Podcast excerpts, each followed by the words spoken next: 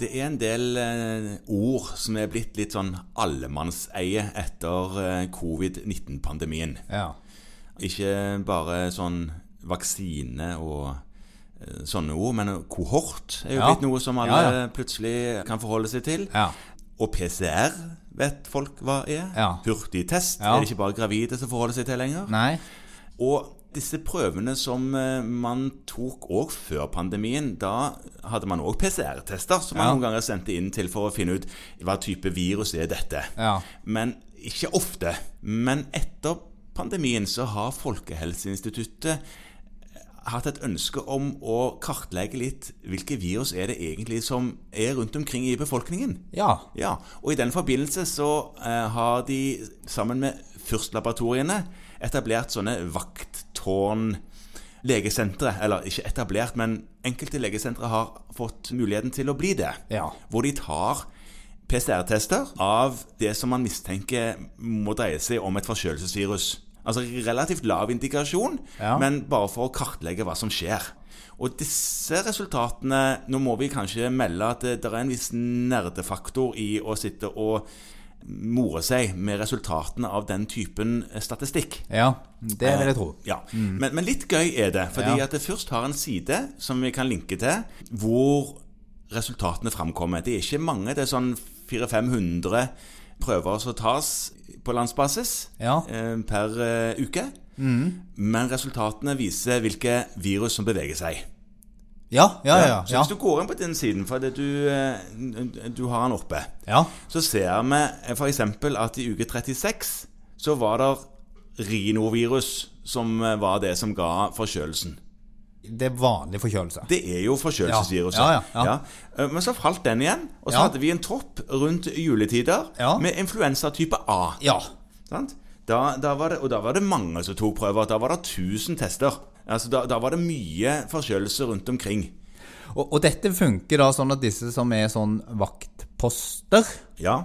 Altså De tar da prøver på alle som de tenker at har en luftveisinfeksjon. Ja.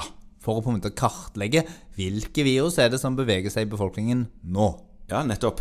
Og i på en måte sommerhalvåret så er det ca. 500 sånne prøver som tas ukentlig. Ja. Og så øker det på utover høsten Ja. til omkring 1000 Ja. hver eneste uke. Sånn at eh, det, det er ikke kjempegod statistikk sånn på landsbasis, men han sier litt om trendene. Mm, Og så, på, når man kom utover på nyåret nå i år, da var det influensatype B.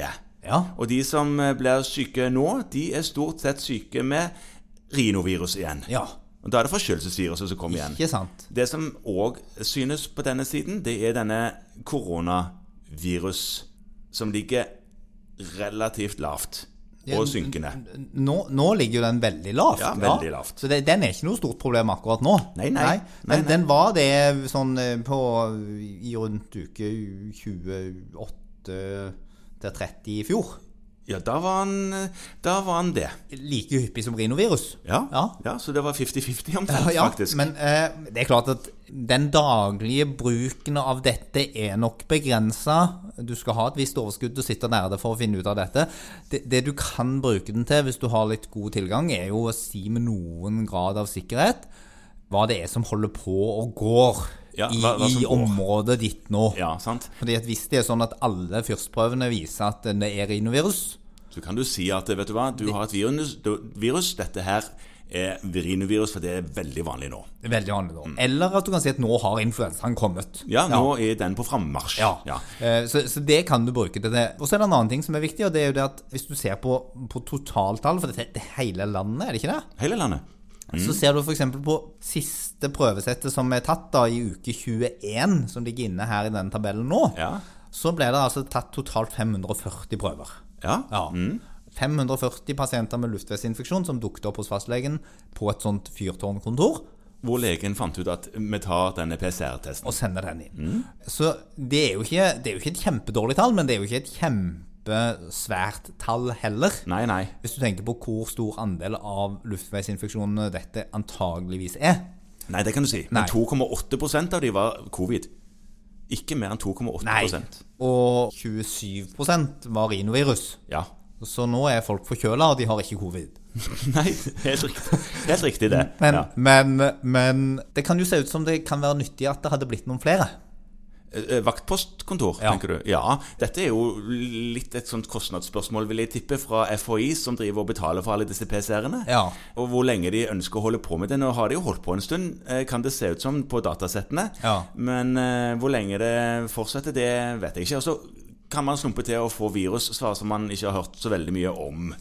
Humant eh, Bucca-virus, f.eks.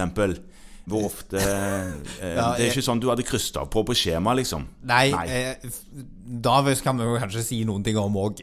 Det er gøy. Får det stor klinisk relevans? Nja Nei, det de gjør, de gjør jo ikke det. Men det Nei. er, det er artig å, å, å, å se på, da. Ja, Eh, og- jeg følte vi- vi måtte fortelle om dette litt. Bukkaviruset? Ja, RSVP Nei, MPV-viruset mest. Den er òg oppi her. Ja, det er vel et luftveisvirus, ja. Det, det, det- det- høres sånn ut på navnet. Men, Må være det. ja, men jeg, jeg tenker at eh, det viktigste er vel kanskje sånn i min hverdag, i hvert fall, som Mm. ikke sitter og tar disse prøvene hele veien, og som kanskje ikke har tid til å sitte og filosofere over hva et bukkavirus er for noe, Mm. eh, det er at det faktisk går an å Det lages faktisk en ganske nyttig statistikk Ja. over hvilke medisiner som er fornuftige. Nei, over hvilke virus som beveger seg, og som Ja. det er fornuftig å tenke på. For medisiner er ikke fornuftig. Nemlig. Nei. Det er en helt annen sammenheng. Ja. Ja.